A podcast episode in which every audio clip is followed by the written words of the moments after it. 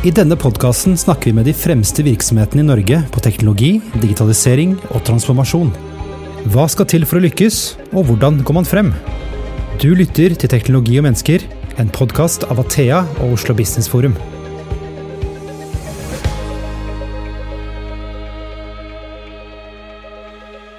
Da er vi i gang med en ny episode i podkasten Teknologi og mennesker. Mitt navn er Christian Brostad. Et tips, hvis du abonnerer på podkasten, så får du nye episoder rett inn i spilleren din, og det er jo smart.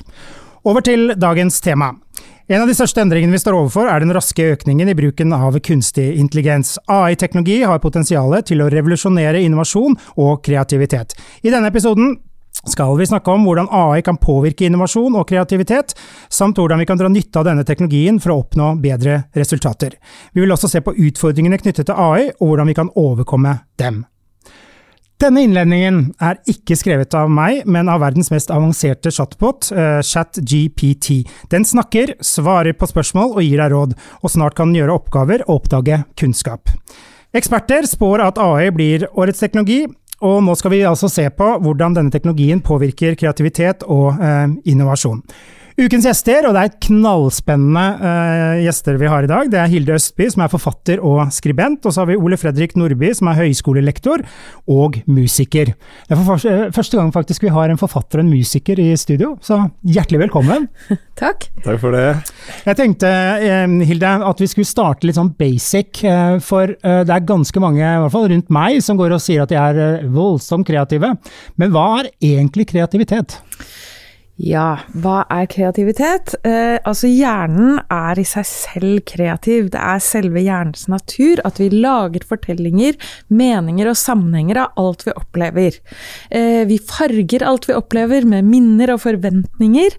Eh, og så i tillegg så er det sånn at eh, hjernen er sånn at vi elsker å løse problemer.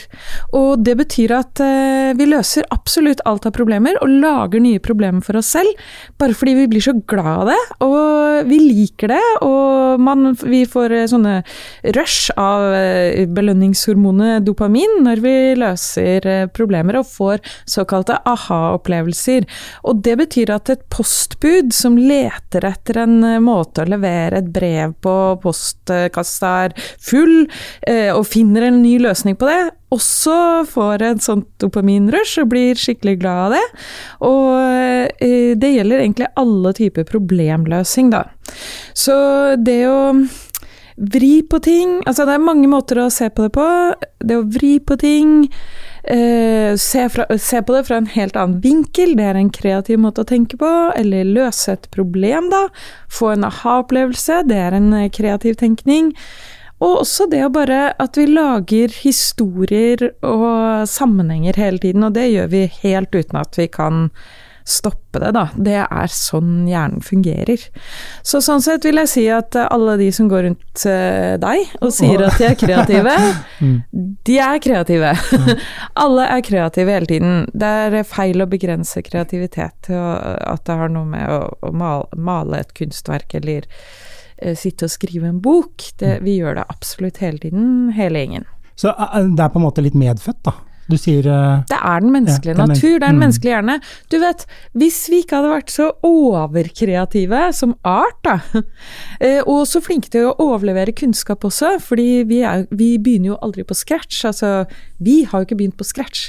Vi har jo begynt med all overlevert kunnskap mm. som vi har med oss fra uh, årtusener tilbake.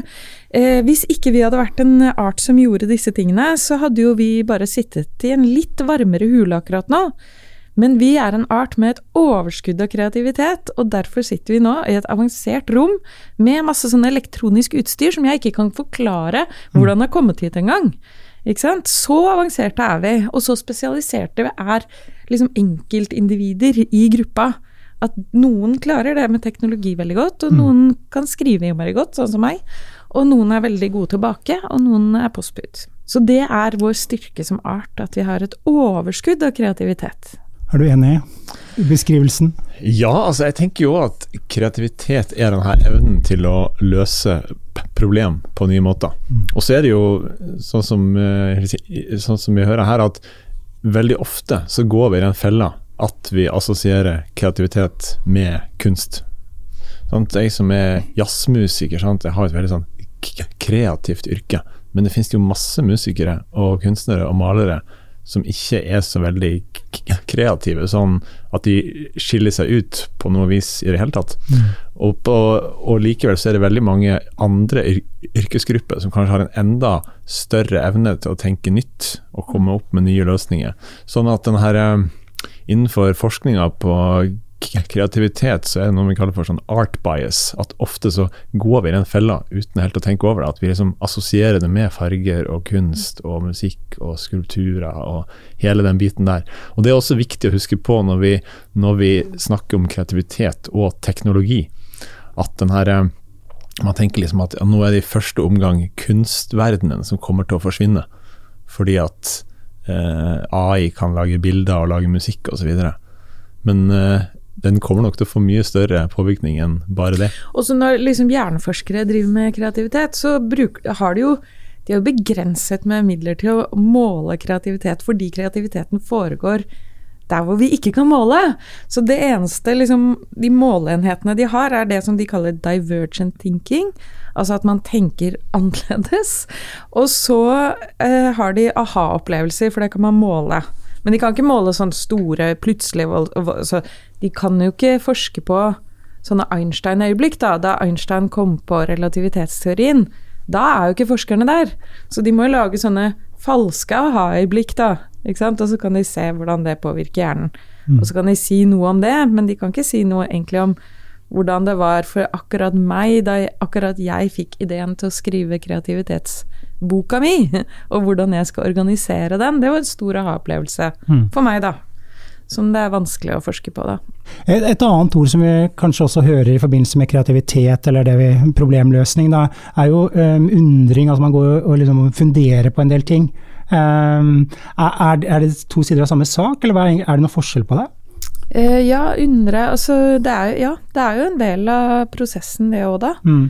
Men uh, jeg har ikke skrevet så mye om undring, jeg har ikke vært så mye i det. Altså, nysgjerrighet er jo en forutsetning, altså at du lurer på ting og uh, har en drivkraft, da. Når jeg snakker for sånn videregående skoleelever, så sier jeg ofte at dere, dere, må jo kjenne dere selv, dere må få kontakt med det som er drivkraften. Altså for meg er det jo en bekymring at vi er så overstimulerte alle sammen i vår kultur, og særlig ungdom. Og vi ser jo at eh, nivåene av depresjon, angst og ensomhet øker veldig hos ungdom i ungdomsgruppa. Og de har jo økt veldig parallelt med den digitale utviklingen, dessverre. Jeg elsker elsker, du vet, telefonen min. Jeg elsker den. Vil gjerne sy den fast i hånda mi, sånn at jeg aldri skal skilles fra den. Men når jeg ser på forskninga eh, som handler om kreativ tenkning, og kreativ tenkning har med lykke å gjøre. Eh, ideen om det ensomme, ulykkelige geni er bullshit, da. Det har jeg funnet ut. Eh, fordi forskning på det viser jo at det å være deprimert gjør at vi produserer veldig mye mindre enn når vi ikke er deprimerte. Og som jeg sa i stad, vi blir lykkelige av å få ideer. Det har med lykke å gjøre. Mm. Eh, og vi kan ikke være ensomme. Ensomme er jo noe av det verste for kreativiteten. Vi skal jo forholde oss til andre. Vi skal gi noe til andre. Det skal gi resonans i andre. Eh, det jeg fant ut, da, er jo at vi har jo et nettverk i hjernen som eh, forskerne kaller DMN men som jeg kaller dagdrømmemodus. Mm. Og da er vi ikke stimulert av den ytre verden.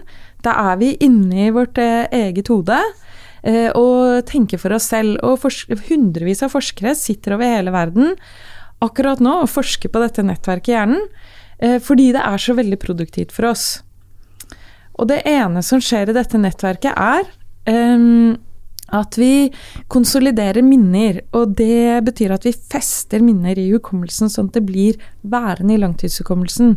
Og så det andre som skjer her, er at vi lager visjoner om fremtiden. Og visjoner om fremtiden er alltid basert på det vi vet om fortiden. Mm. Det er derfor vi har hukommelse. Hukommelse er bare et kreativt redskap til å lage fremtidsvisjoner, mener evolusjonspsykologer. Eh, det vil si at hjernen i seg selv er en science fiction-forteller. Sånn, hver gang du lager en visjon om fremtiden, hver gang vi snakker om AI inn i fremtiden, så er det basert på hva vi vet om fortiden, og det er veldig begrensa. Mm. Så ikke sant, vi kan le av det etterpå, hva vi trodde om fremtiden. Og så det som skjer der også, er at vi bearbeider forholdet til oss selv og andre, og det er kjempeviktig. Det sier jeg til ungdommer. Dere må kjenne deg selv, for hvis du ikke kjenner deg selv, få kontakt med din indre drivkraft, så har du ikke noe kreativt redskap. Du må ha et blikk. Du må ha et eh, utgangspunkt da, for å se verden. Du må kjenne din måte å se verden på.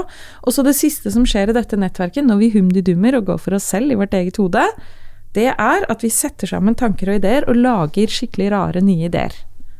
Og det du sa i stad om at eh, noen jazzmusikere er jo ikke så veldig originale, det er jo da holdt jeg på å slå ned på deg, også. Fordi, fordi, vi vet aldri hva ting blir. Og liksom om 50 år, da, så kanskje noen av de ikke så originale jazzmusikerne viser seg å være at det var et eller annet de gjorde, noe skikkelig rart, som ingen av oss skjønte, men som man skjønner om 50 år. Ikke sant? Så det, det har vi jo mange eksempler på. Mm. At uh, kunstnere blir underkjent i sin tid, og så etterpå mm. ja, Ikke sant.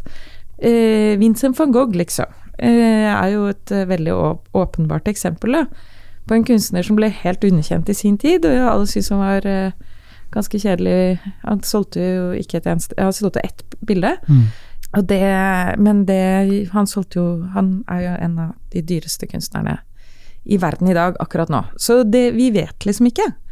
Så derfor er det også veldig viktig på en måte ikke vurdere ideer og produkter så nøye. Jeg vet at vi gjør det hele tiden. Vi peker på vinnerne. Men vi vet liksom ikke egentlig Har dere hørt historien om eh, Edvard Muybridge? Edvard Muybridge eh, var i en diligensulykke i 1860, og etter det så ble han veldig kreativ. Så det forandret livet hans, da. Eh, han lærte seg den nyeste teknologien på denne tiden, nemlig eh, å fotografere. Han ble skikkelig god fotograf, og så møtte han en fyr som het Stanton. Stanton hadde en veddeløpsbane, og der hvor den veddeløpsbanen var, er det nå et universitet. Hm. Stanton University. Der kommer det fra. Stanton og vennene hans hadde et nachspiel-problem. Typisk nachspiel-problem. De, sa, uh, de krangla om hester når de galopperer, om de løfter alle beina av bakken eller ikke. Dette er nachspiel-problem. Et mm. teit problem. Så går de til Edward Mubridge, og så sier de Edward, eh, Stanton sier Edward, jeg vet du er innmari flink til å ta bilder. Kan du finne ut av det med hestene? Og Edward setter opp eh, et kamera for hver meter bortover langs veddeløpsbanen med selvutløser, så når hesten galopperer bortover, så utløser den kameraene. Så setter Edvard bildene opp på en stor, rund plate. Så kjører han dem fort rundt og rundt. Og hva har han fått? Film. Den første filmen 1872. Og kunne han vite da at det skulle forandre verden, og at det ikke finnes et menneske i dag på denne kloden som ikke har sett en film? Mm. Det vedder jeg liksom en kroppsdel på. At uansett hvor du er i verden, så har du sett en bit av en film. Det kunne ikke han vite. Det var et teit nachspiel-problem som han løste på en kreativ måte, og du vet ikke hvor den ideen fører en, rett og slett. Og jeg tenker det er jo en sånn For min, min, min del så er jo den derre Altså én ting er det som skjer inni hodene våre, altså dette her med aha-øyeblikk og de forskjellige delene i hjernen som er aktive. men jeg tenker En vel så viktig del av den kreative biten er den sosiale prosessen rundt. Mm. Fordi det er jo fryktelig mange folk som går med masse gode ideer oppi hodet sitt, og det er jo ikke måte på hvor mange startup-ideer folk mm. har i hodet eller tenker på som de tenker hadde bare noen som tatt tak i den ideen her, så kunne jeg blitt en millionær. Mm.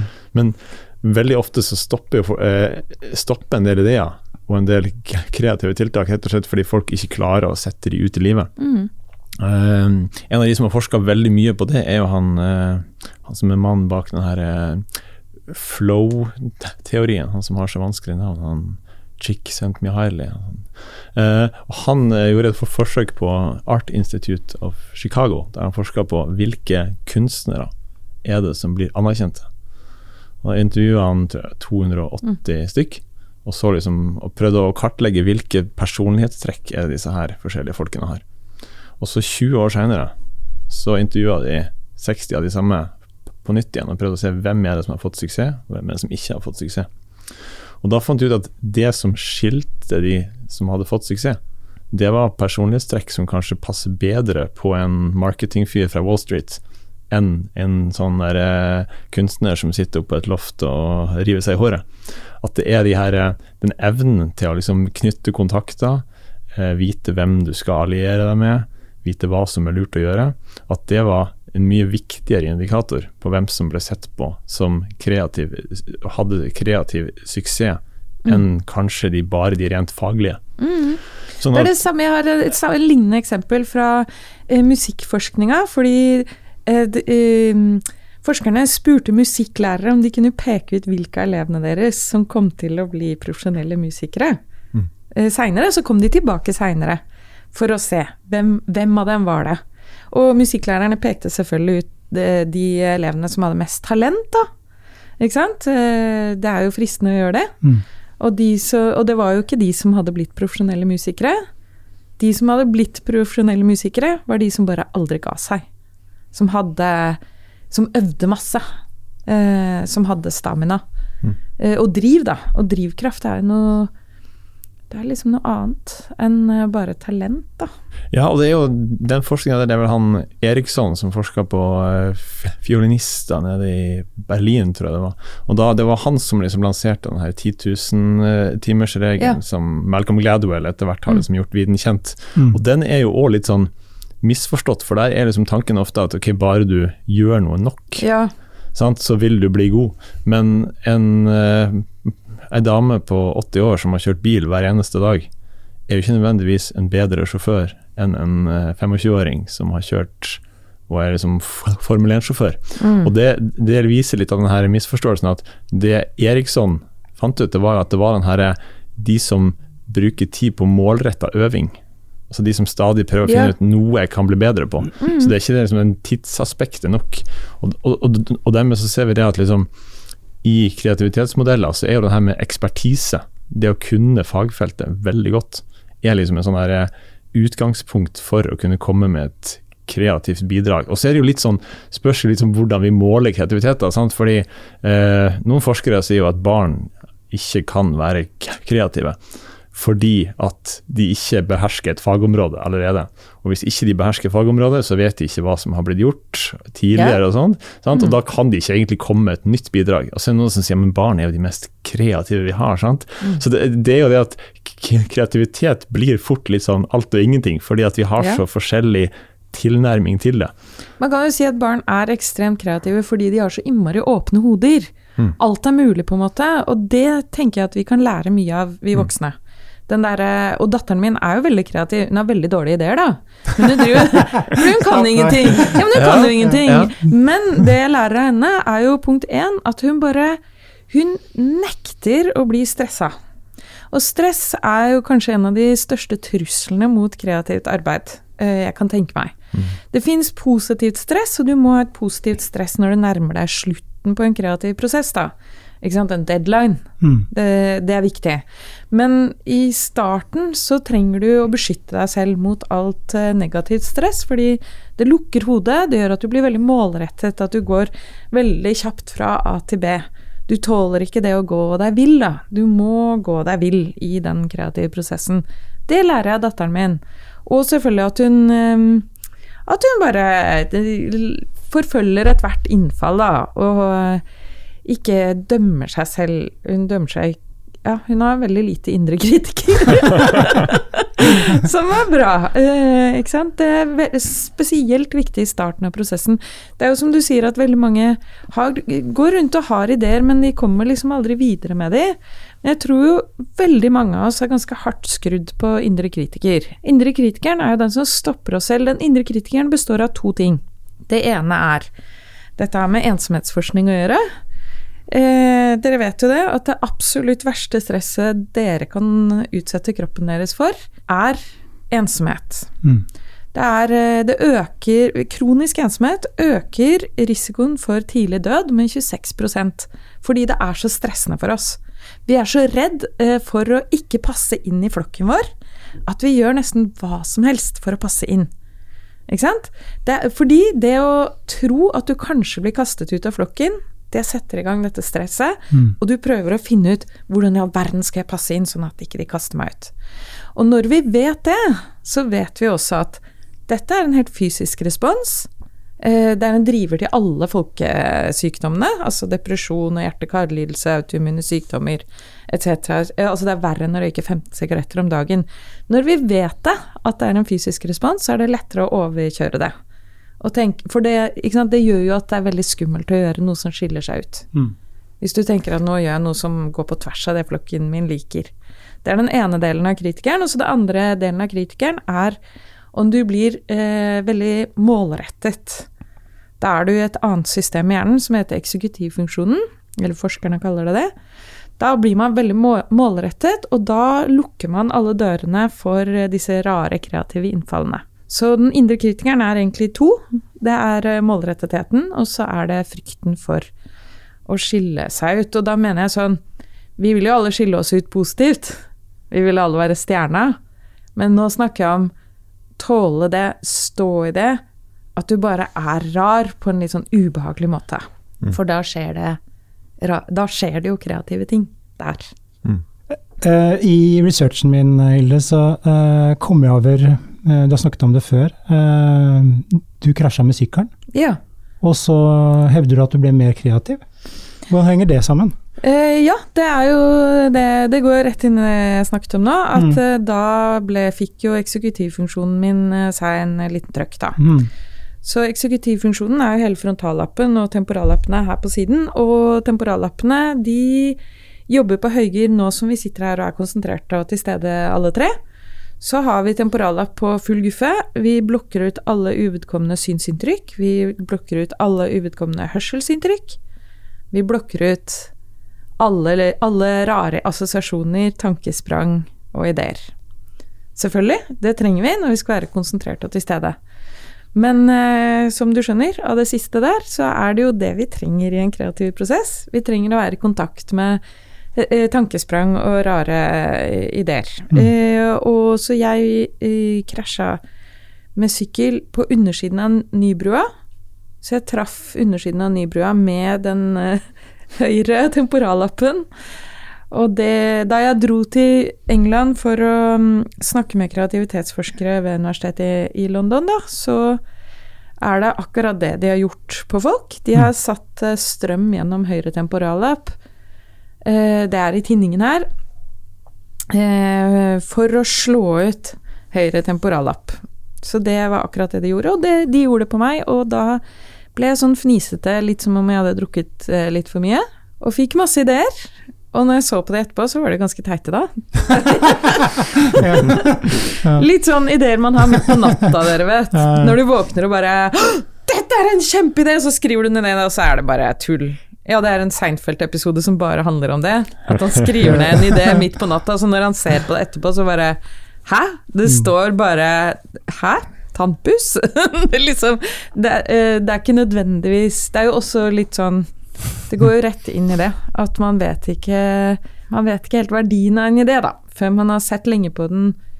Det er jo også det der med å gå lenge og kverne på noe. Og ha Altså teste det ut på mange måter, da.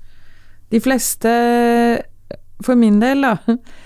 Så jeg skal jo skrive bøker, og det tar jo flere år å skrive en bok. Og så skal jeg leve med den boka resten av livet, egentlig. Mm. Den er jo da knytta til mitt navn resten av livet. Så eh, det fins mange gode ideer til bøker, men jeg må gå lenge og tenke på de før jeg begynner å gjennomføre. Fordi jeg må teste det i hodet. Funker det her? Skal jeg leve med denne? Orker jeg å være sammen med denne ideen lenge? Så alle de spontane ideene og innfallene jeg fikk da jeg slo hodet Mm. Jeg vil ikke anbefale Punkt én. Jeg vil ikke anbefale noen å slå hodet, for det er mye mer sannsynlig at du mister kreativiteten Mm. av det, enn at du får kreativitet. Maurice Ravel sluttet å komponere etter en bilulykke hvor han slo hodet. Jeg kjenner en norsk forfatter som sluttet å skrive bøker etter et slag mot hodet. Mm. Så eh, det er den største trusselen mot hukommelse og kreativitet for folk under 40 år. Jeg blir veldig redd når jeg ser ungdom kjøre rundt på de der elsparkesyklene uten hjelm. Fordi det å krasje i 20 km i timen, sånn som jeg gjorde, uten hjelm, sånn som jeg gjorde, Mm. det er mer sannsynlig at du ødelegger livet ditt på det enn noe annet. Så de som kjører sparkesykkel uten hjelm i håp om å bli mer kreative, de bør slutte De bør med det. slutte med en Ja, men, men, men, men det er jo litt sånn Det du beskriver der, er jo at når man, når man ser på liksom, kreative prosesser, så har man liksom En fase er jo det man refererer til som den syntetiske fasen. altså Mm. der, der man har alle disse her ideene til kombinasjoner. Kanskje jeg kan skrive bok om det, og så kan jeg gjøre litt av det. og Så kan man gjøre sånn. Så går man rundt med masse sånne ideer. Og noen er veldig flinke på det.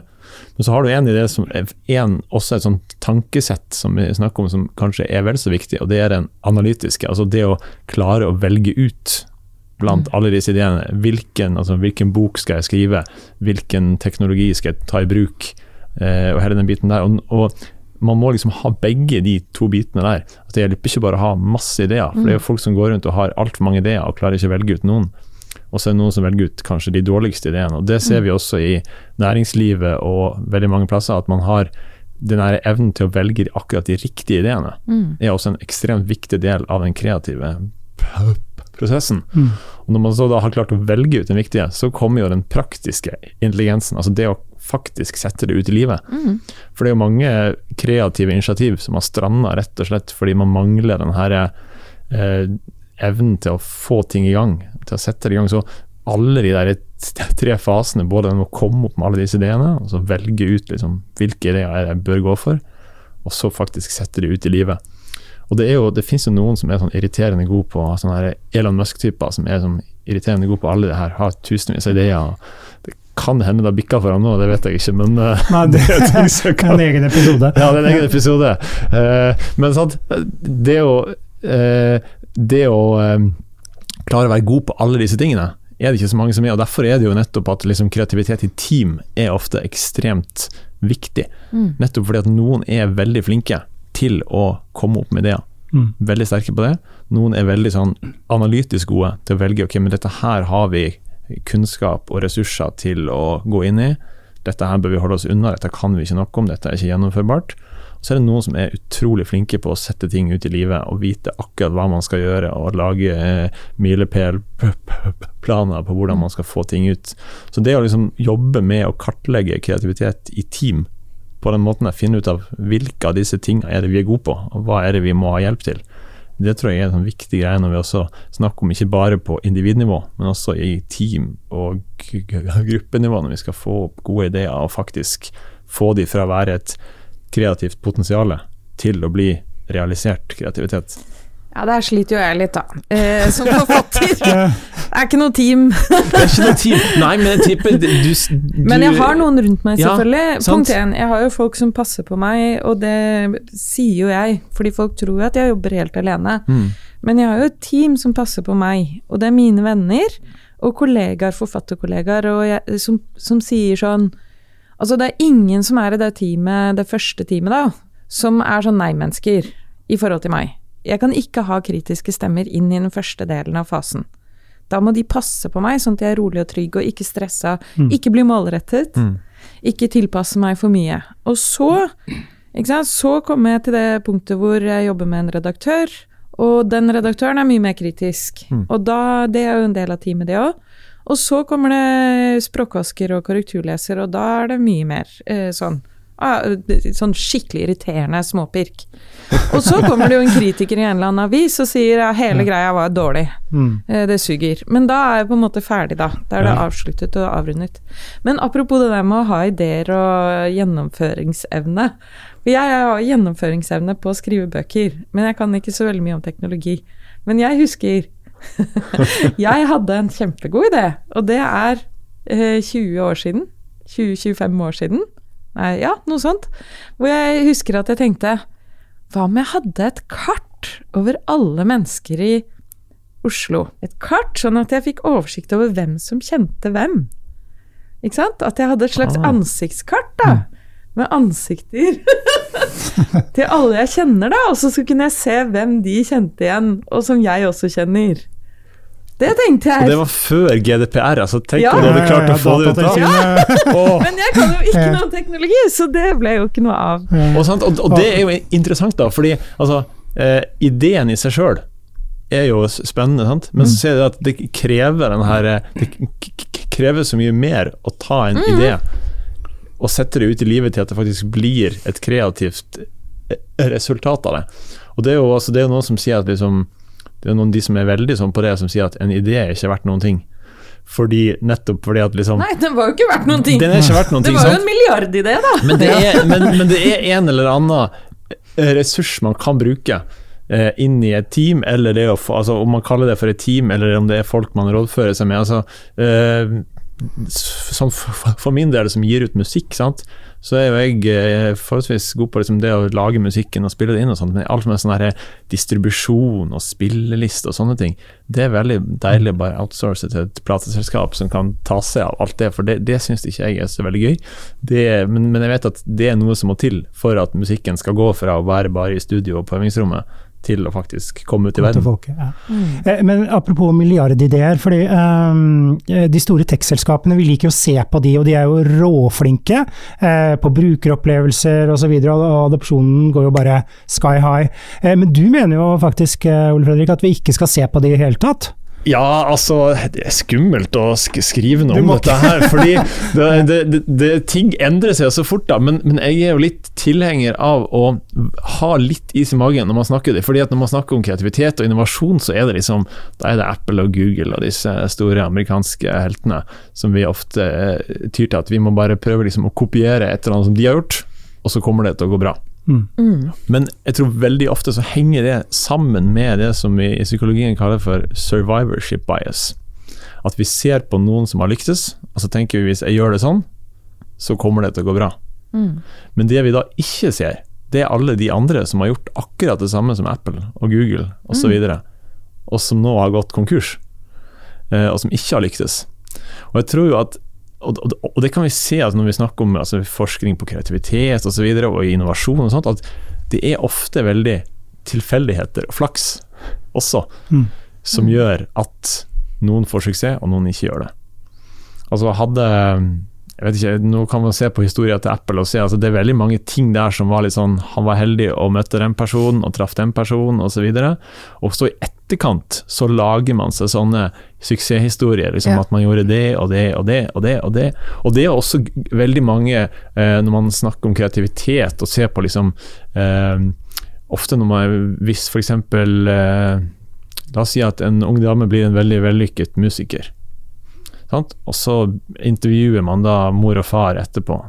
Og så begynner man å lage en sånn historie om hvorfor hun ble det sånn. Nei, men hun var alltid så glad i å synge. Ja, vi så det når hun var tre år. Ja, hun sang i alle bursdagene, og hun nynna med når vi satt i bilen. sant? Og så begynner man å lage en sånn Ja. historie som skal Det bygge fins jo nok av treåringer som har eh, sunget Ja. i bursdager. Ja, det det gjør det, og, men, men de husker vi ikke ofte hvis liksom hun endte opp med å bli ingeniør. Sant? Da er det mer at nei, hun elsker å sitte og bygge Lego, Legoen til storebroren. Sant? Så lager vi sånn, og sånn er det ofte med sånne suksesshistorier i innovasjon og tech osv. òg.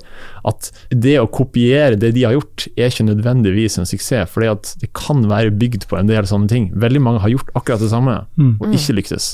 Men det jeg tenker vi kan lære av tech-bransjen, og som jeg likte når jeg prøvde å se på hva er det arbeidslivet gjør for å fremme kreativitet, da. Veldig mye i arbeidslivet fremmer ikke kreativitet. Eh, De er veldig sånn målstyrte ofte. Eh, Man skal kontrollere arbeiderne, ikke åpne opp osv.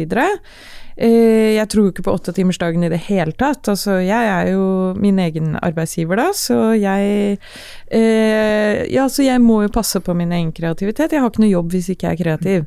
Det betyr at hvis jeg en dag tenker at nå må jeg gå en tur i skogen for å få kontakt med meg selv og finne en god idé, så går jeg en tur i skogen. Det er helt logisk.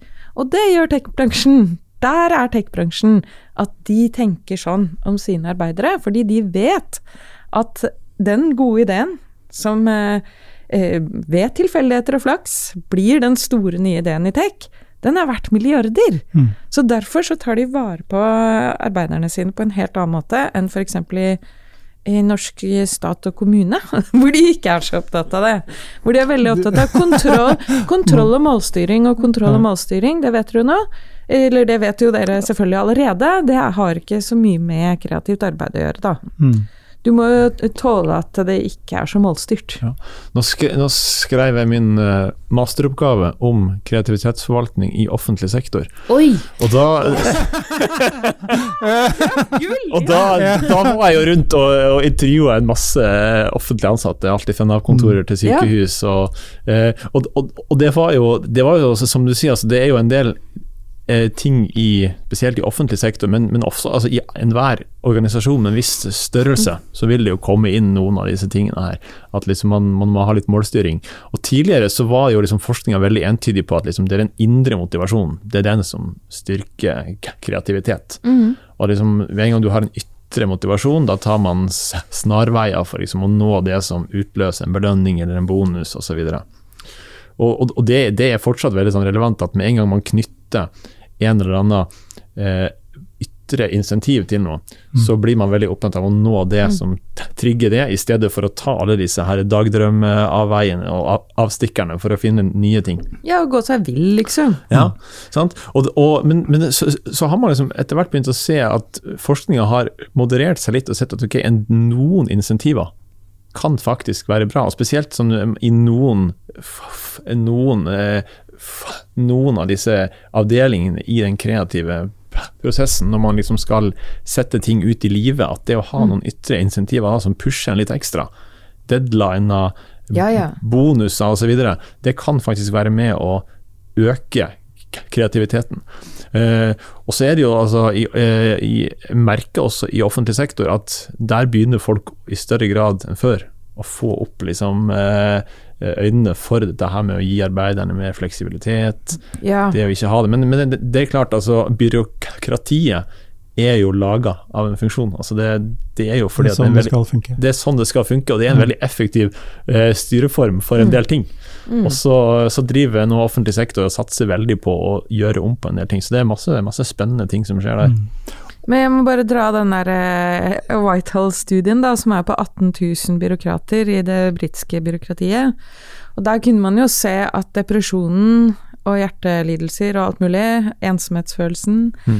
økte jo lenger ned i byråkratiet du kommer, for der er du helt fastlåst, ingen hører på deg, mm. ideene dine blir ikke plukket opp. Mm. Ikke sant? I et veldig strengt byråkrati så er det den på toppen som er viktigst, og, og de ideene man plukker opp. Men ideer kan jo komme fra hvor som helst. Ja.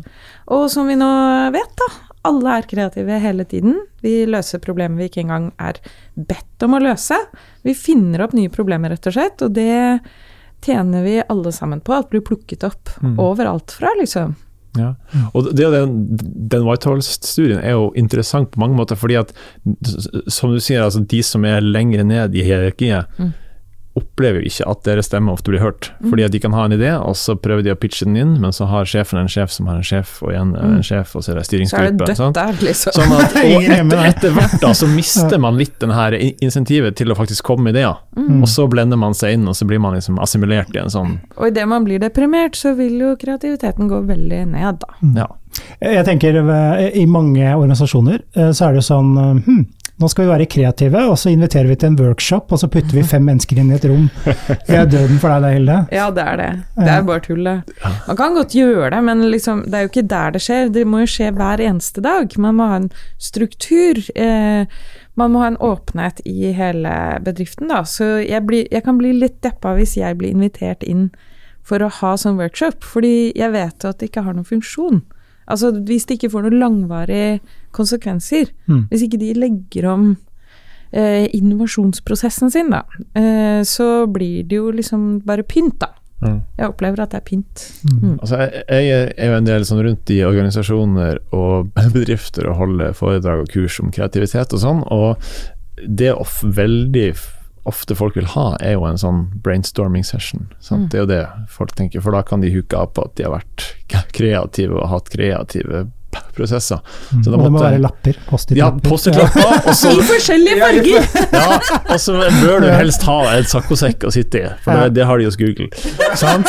Det er veldig viktig. Men, men, men, men det, det, etter hvert så måtte jeg bare skrive jeg skrev en artikkel på Ledernytt, tror jeg det var, som, som jeg kalte for eh, brainstorming når du vil ha færre og dårligere ideer. Mm. Fordi forskninga på brainstorming som mm. konsept er ganske sånn deprimerende hvis du vil ha gode ideer.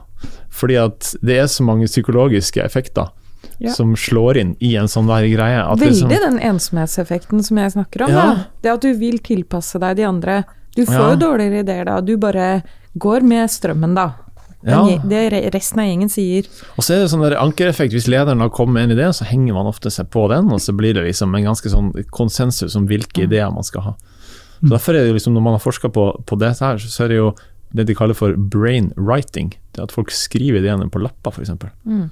I stedet for å si de høyt og putte de i en kasse, sånn at ikke folk vet hvem som har kommet med ideene. Da får du ofte mye større mangfold i ideene Mm. enn hvis man sitter sånn og Ofte er det litt sånn eh, halvdårlig forberedt. Ja, men skal vi ta en liten sånn brainstorming på det? sant? Mm.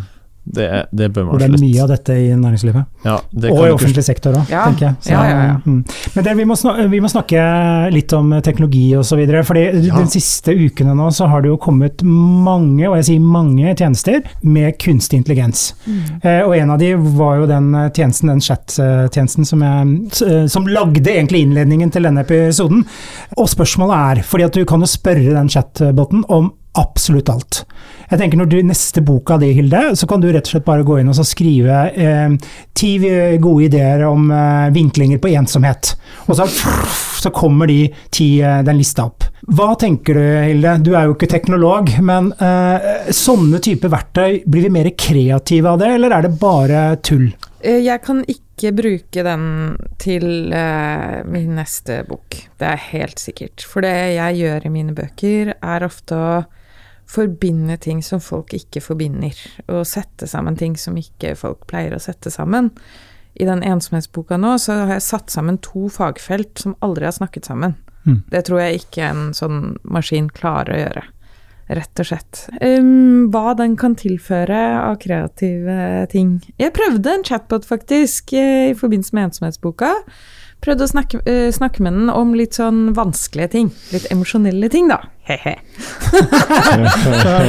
det gikk veldig dårlig. Jeg, snak, jeg spurte sånn Åh, jeg har det litt vanskelig for tiden, fordi jeg har noen venner som sliter fælt, og de står midt i en livskrise, hva skal jeg gjøre? Så svarte chatboten Kanskje du kan spørre dem om å være med og se litt på TV? Og da tenkte jeg ja, det er en stund til den kan erstatte Ja. en psykolog, da. Nå har det vel vært altså, Du har den berømte eh, Turing-testen, vil jeg kalle det, etter Ja. han Alex Turing ja, Turing-testen, 1950, ja. sant? Som, som det er liksom I essensen, sånn som jeg har skjønt det, så er det sånn at hvis, hvis du ikke klarer å skjelne mellom om det er et menneske eller en, Menneske og en dat datamaskin. datamaskin, så har du på en måte bestått. Ja. Og det Har er det vel, skjedd ennå? det er vel de som mener at den nye består den testen. At folk kan sitte og sk sk skravle med den. De, de klarer ikke å catche om det er et menneske eller AI som de er i dialog med. Så det er jo det som kommer nå med denne her eh, chatboten, er jo kanskje noe av det mest, sånn- det er jo det mest ekstreme vi har sett. Ja, på nettet så er folk eh, helt i en Ja. annen verden. Dette er helt fantastisk. Jeg, apropos, eh, du, er jo, du kan jo skrive, Hilde. Det, jeg kan jo skrive, men ikke så bra som deg. Men eh, jeg skrev inn i går, eh, lag et essay om eh, et eller annet, eh, og kom det ut. Men det er jo og, og det har vært gøy å levere det til forlaget ditt. Og så bare late som om man har skrevet det selv, da. Er det bra nok? Ja, altså, jeg har sett disse tingene. Det er, den er jo god, men den er jo konvensjonell, da. Altså, den er jo fortsatt ikke det er fortsatt ikke overraskende. Mm. Skjønner du? Så den kan Ja. kanskje Kanskje den kan passere Turing-testen som en litt kjedelig person, men den Ja, ja. passerer ikke som en kreativ person. Men altså, jeg mener jo det at altså eh, Folk har jo brukt ghostwriters og sånn for å skrive sine biografier og bøker, og det er jo knapt noen Hollywood-stjerner som skriver sin egen bok lenger. Det er jo andre som skriver det for de, stort sett. Og AI kommer nok til å ta over litt av disse tingene her. Men jeg tenker sånn som boka di liksom, som om kreativitet. Altså, den er innmari bra, forresten. Den, den, den, den må folk ta Og jeg må innrømme at jeg ikke har lest den ennå, men jeg har kjøpt den. ja. Okay. Så jeg skal lese den i jula. Ja. Og det som er, det som er liksom veldig fint med den, er at den tar jo et fagfelt som er litt sånn nerdete. Kreativitet, sant? med masse psykologi og forskning og sånt. Og så klarer det, Men det som, er, det som er så fint med den boka her, er jo at den vever jo sammen en del ting som AI ville slitt litt med. For det er jo din historie, og så er det Alice in Wonderland. Og så er det forskning på kreativitet, og så blir dette her vevd sammen til ei historie som åpner opp et fagfelt på en helt annen måte enn hvis man hadde bare gått inn og lest liksom The Oxford eh, Handbook of Creativity og sånne forskningsting. Du er enig i at den, det å kombinere sånne rare elementer, Ja. det vil jo ikke AI ja, klare. Og, ja, jeg, jeg vil, hadde det vært for et par uker siden, så ville jeg kanskje sagt det ville de ikke gjort. Men når jeg, når jeg ser Jo, nei, nei! jo men altså, de, de vil jo aldri Jo, men altså, eh, AI kan jo nå kombinere de helt sykeste ting. Ja. Eh, men igjen, det som jeg mener Det som gjør at AI aldri ville liksom kunne kommet med et kreativt produkt, produkt, Ja. i hvert fall ikke sånn som jeg ser det nå, det er jo det at grunnen til at folk leser boka Ja. di, er jo fordi at det er din historie. ja. AI vil jo ikke kunne komme og fortelle denne her historien og knytte det opp til et menneskeliv. Nei. Altså, AI kunne skrevet ei bok om eh, en eller annen fyr som kom til ei øy i Nordland og reiste rundt der, men det er jo kun Hamsun som klarer å lage en sånn Ja. historie der han liksom skildrer menneskets natur og hele den Mm. biten der på en måte som gjør at vi får lyst å lese det. For de vet Mm. at ok, her er det Hamsun som faktisk skal beskrive noe som han opplever. Mm. Og så har vi liksom hele historien til Hamsun som gjør at vi har det som et bakteppe òg. Og det er jo det, altså. AI har jo, altså Datamaskiner har jo laga musikk, f.eks., i Mm. tiår. Altså allerede på 70 60-70-tallet så var det jo eh, algoritmer som laga Bach-musikk, som gjorde at Bach-kjennere ikke klarte å liksom, Hva er Bach, og hva er datamaskin? Men det er jo ingen som går og hører på det. Det De ingen, hører jo på Bach de hører på Bach. Eh, og, og Bach var jo et sånt eksempel på en som nesten var glemt, og sett på bare som en sånn håndverksmusiker. Og så gikk det 80 år, og så var det Nei, Mendelssohn. Ja, Mendelssohn, ja. Mendelssohn som satte opp musikken hans, eller 80 år etter at han døde, satte han opp mm. Matteus-personen og liksom fikk den opp og gå igjen. Så det er jo en litt sånn interessant eh, sak, bare det. Men det er klart, vi mennesker vil ofte ha et menneske bak det, for at vi tillegger det verdi. Fordi alt kreativt arbeid er kommunikasjon. Mm. Og vi vil kommunisere med andre mennesker. Vi vil jo egentlig ikke kommunisere med en maskin. Ikke sant? Så det blir jo kanskje de mest um, overfladiske tingene da, som kan fylles av AI. Men sånn vi, vi hadde jo ikke giddet å lese Min kamp skrevet av AI. Nei. Vi vil jo lese den av Knausgård. Mm. Ja. Det skal ha skjedd med et menneske for at Ja. vi skal gidde å lese den fortellingen, da. Mm. Men så, er det jo igjen, altså AI vil jo bli et fantastisk redskap. Altså jeg tenker Bare det, hvis du ser på musikkhistorien altså Bach skrev jo ikke for piano, han skrev for orgel og cembalo. Han hadde ikke det instrumentet. Eh, når det ble teknologisk utvikling som gjorde at han kunne spille i alle tolv toneartene uten å stemme om hele instrumentet, så plutselig skrev jo han Das Fault-tempererte klaver, vet du, som vi fortsatt er liksom regna som et av de store. Så, og når Beethoven da fikk et nytt instrument, og de begynte å få sant, så skjer det nye ting hele tida, og man får muligheten til å gjøre nye ting. Men så er det jo sånn at når AI nå kommer, så er det jo i utgangspunktet altså, Så lenge alle har tilgang til det, sant? så vil jo alle kunne liksom bruke det, man kunne få låtideer, man kan kunne få tekstideer osv. Men jeg tenker AI kunne sikkert kommet opp med altså, tekster som ikke vi ville klart å skille fra Leonard Cohen eller Bob Dylan eller Trygve Skau. Altså, la, oss si at vi fikk alle låtene til, som i dag er skrevet av Trygve Skau, eh, skrevet av AI. Det i seg sjøl at låtene ligger der med tekst og melodi, er jo ikke så Det har jo ikke noe særlig verdi. Nei. Det er jo liksom det at uh, Trygve har klart å liksom knytte det opp til kulturen og liksom det sosiale arbeidet han gjør, og liksom knytte det opp til at mennesker faktisk ilegger det her en verdi. Det er jo vel så viktig i den kreative biten som at han har skrevet låtene. Og Det tenker jeg er veldig viktig når vi snakker om AI òg, at AI er jo egentlig bare den første biten. Det at du får masse ideer. Men så må Ja. vi da klare å velge ut hvilke ideer og sette de ut i livet. Mm. Så liksom AI er jo en fantastisk hjelp i den første biten der. Og så kan det hjelpe oss. altså Se jo bare det når vi skal distribuere musikk og bøker og sånt. Algoritmen og AI er jo hele tida der og hjelper oss med det. sant? Men til syvende og sist så er ikke det sånn magi at liksom da kan hvem som helst sitte hjemme og lage musikk som alle vil begynne å høre på. Mm. Men det er et annet aspekt her, og det er jo ikke sant? Det er et økonomisk aspekt. da. Veldig mange kunstnere overlever på å gjøre sånne små tullejobber. Ja. Og de, alle de små tullejobbene, de blir jo borte da. Idet AI blir kjempegod til å gjøre korrektur og språkvask, sånn at eh, sånne som meg mister det som biinntekt, Mm. så vil det gå utover min, eh, altså mitt hovedarbeid, som er å jobbe kreativt. Så det bekymrer meg litt, da. Mm. Ikke sant? Og musikere lager sånn små snutter til, eh, til en film, eller ikke sant. Idet du mister den inntekten, da, så vil det kanskje gå utover den, det ekstra vanskelige kreative arbeidet som man skal finansiere det, ikke sant. Ja. Og det tenker jeg, det er jo altså uh, Man snakker sånn kreativ destruksjon. altså Alle nye ideer vil jo ødelegge et eller annet. Fordi at det er jo hele kreativiteten sitt vesen, at de kommer med Ja. en ny løsning på et problem som vi tidligere løste på en annen måte. Ja. Og det er nok mange bransjer som bør skjelve litt i buksene nå. Altså, jeg tenker jo sånn innholdsleverandører til reklame Mm. osv., der man òg kan bare skrive inn hva slags bilde man vil ha. Men så er det jo en del ting som AI ikke helt klarer å skjønne enda, og det er jo dette her med emosjoner og følelser. Ja, ja, ja. Altså Du kan få AI til å lage et uh, bilde av uh, en eller annen dame som sitter på en sofa og spiser sjokolade. Mm. Men hvis du ser på liksom, reklamen for Troika, ja. så spiller jo det på mye mer.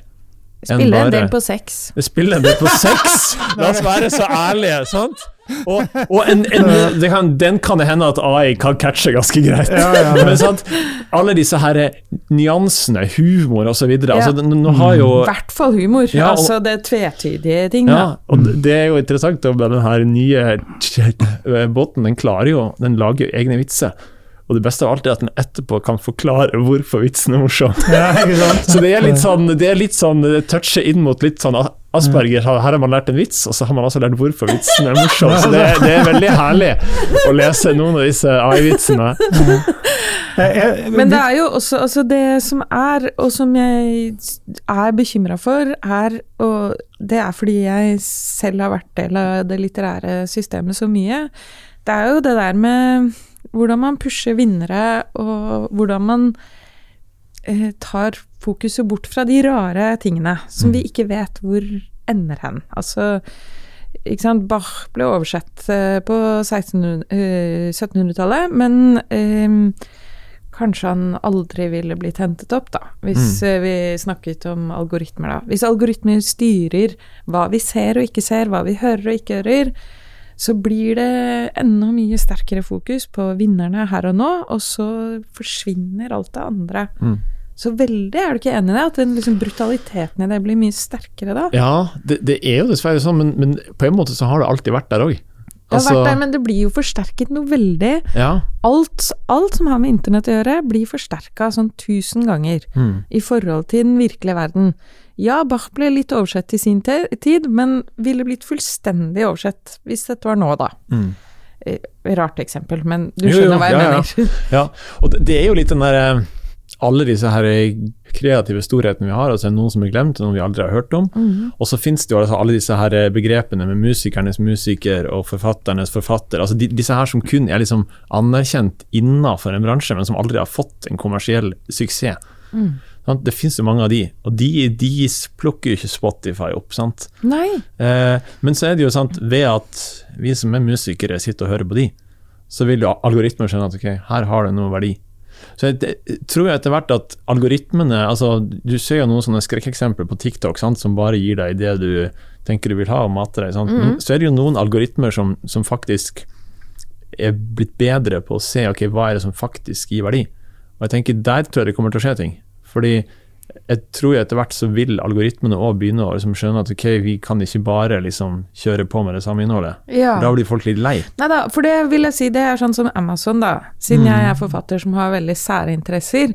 Så Amazon pusher faktisk bare bøker på meg, som er sånne jeg er interessert i. Mm. På ordentlig. Ja.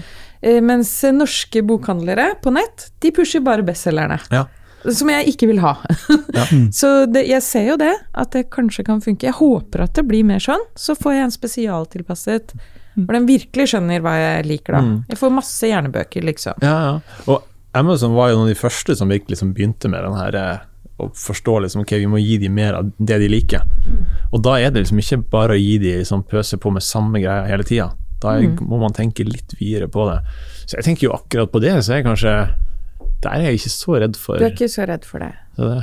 Men, uh, Og jeg, jeg tenker Hvis vi skal ta i en sånn organisatorisk kontekst da, for, for virksomheter osv. Uh, verste folka, etter min mening, nå ser jeg litt sjokka ut til det, men det er jo de som elsker sine egne ideer og ikke og, Ja. og tar bort alt annet. AI har jo ikke noe Ja. ego. Nei. Så i den konteksten så er vel dette bra. Mm, kanskje, ja. Ja da. Ja. Jo, men, men, det var sant, altså, nå, nå har jo til og med altså, Som, vi prata litt om her eh, før vi kom inn i studio, altså, AI har jo til og med begynt å skrive egen kode. mm. Og sant, det at AI kan programmere seg sjøl, det høres ut som en sånn Det er mareritt. litt skummelt, altså. Men Så det, bare, da programmerer jeg til å ta over verden. ja, sant. Vi, vi er nok et stykke unna liksom foreløpig, men, men, men det at algoritmen kan liksom skjønne mer og mer av hva vi faktisk ilegger verdi, mer enn hva vi liksom har trykt på, det, det tror jeg vi kommer til å se. Eh, og det gjør meg egentlig litt mer optimistisk enn Ja. mange av disse her som har vært litt sånn lettvint AI. Som bare sier ok, hvis du liker det, så liker du det og det og det og det. Og det, og det. Okay. Men det som gjør at jeg er sånn generelt litt mer eh, skeptisk til um, teknologi og kreativitet, er jo nettopp det jeg snakket om i stad. Det Hvor blir det av det rommet? Det stille rommet i oss selv hvor vi ikke er kobla på, og hvor vi ikke er aktivert. Hvor vi går i våre egne tanker og humdidummer. Eh, jo bedre teknologien er til å koble seg på oss, mm, jo mindre vil vi gå rundt i dette egne rommet. Og som sagt så tror jeg at det er Altså forskning på dette DMN, dette dagdrømmenettverket, på befolkningsnivå, da. Eh, dette var en stor studie som ble gjort i India, tror jeg. Der kunne de se at det var en sammenheng mellom det å være i eh, dette dagdrømmenettverket Dette er store studier, da, på veldig mange folk. Det å være i dette nettverket hvor mye vi er i dette nettverket, har noe med depresjon å gjøre, opplevd lykke å gjøre. Det at depresjon og angst og ensomhet øker blant ungdom samtidig som vi har fått denne teknologien. Det er jo noe med teknologien også som mm, Den mangler øyekontakt. mm, Den mangler hudkontakt. Den mangler alle de tingene som mennesker må ha. Følelser osv. Det gjør noe med oss hvis vi er for kobla på. Og ungdom i dag er jo sånn gjennomsnittlig fem timer, men jeg møtte en lærer som sa at han hadde hatt en elev hvor han kunne se at hun hadde vært 14 timer en dag på på telefonen sin, da. Ikke sant? Og lærere over hele Norge som jeg snakker med, de sier at konsentrasjonsnivåene hos ungdommene har gått sånn radikalt ned de siste ti årene. Mm. De kan se det, de kan merke det. Mm. De er, de, teknologien tar fra dem søvn. Åt, over 80% av norske ungdommer sover for lite i forhold til det de skal. Søvn er helt ekstremt essensielt for eh, altså kognitiv funksjon, og bare for å være konsentrert og til stede. Og dårlig søvn driver depresjon. Mm. Ikke sant? Så det er jo mange ting her. Eh, Jeg prøvde å overbevise en ungdom om at det var veldig lurt å ikke sove med telefonen ved siden av seg i senga. Og han ble helt sånn Ja, men er du helt sikker på det? Han ville overbevise Han brukte ti minutter på å prøve å overbevise meg om hvor viktig det var at han så med telefonen ved siden av seg i senga. Som det selvfølgelig ikke er. Det ødelegger søvnen. Det gjør at søvnkvaliteten blir dårligere. Mm. Det er ingen av disse ungdommene som er statsminister. Ingen trenger å komme i kontakt med dem. Mesteparten av dagen, eller kvelden, eller natta. De trenger ikke å være tilgjengelige, de trenger ikke å være påkobla. Og det å være avkoblet, da. Det er fint om algoritmene blir bedre, på en måte.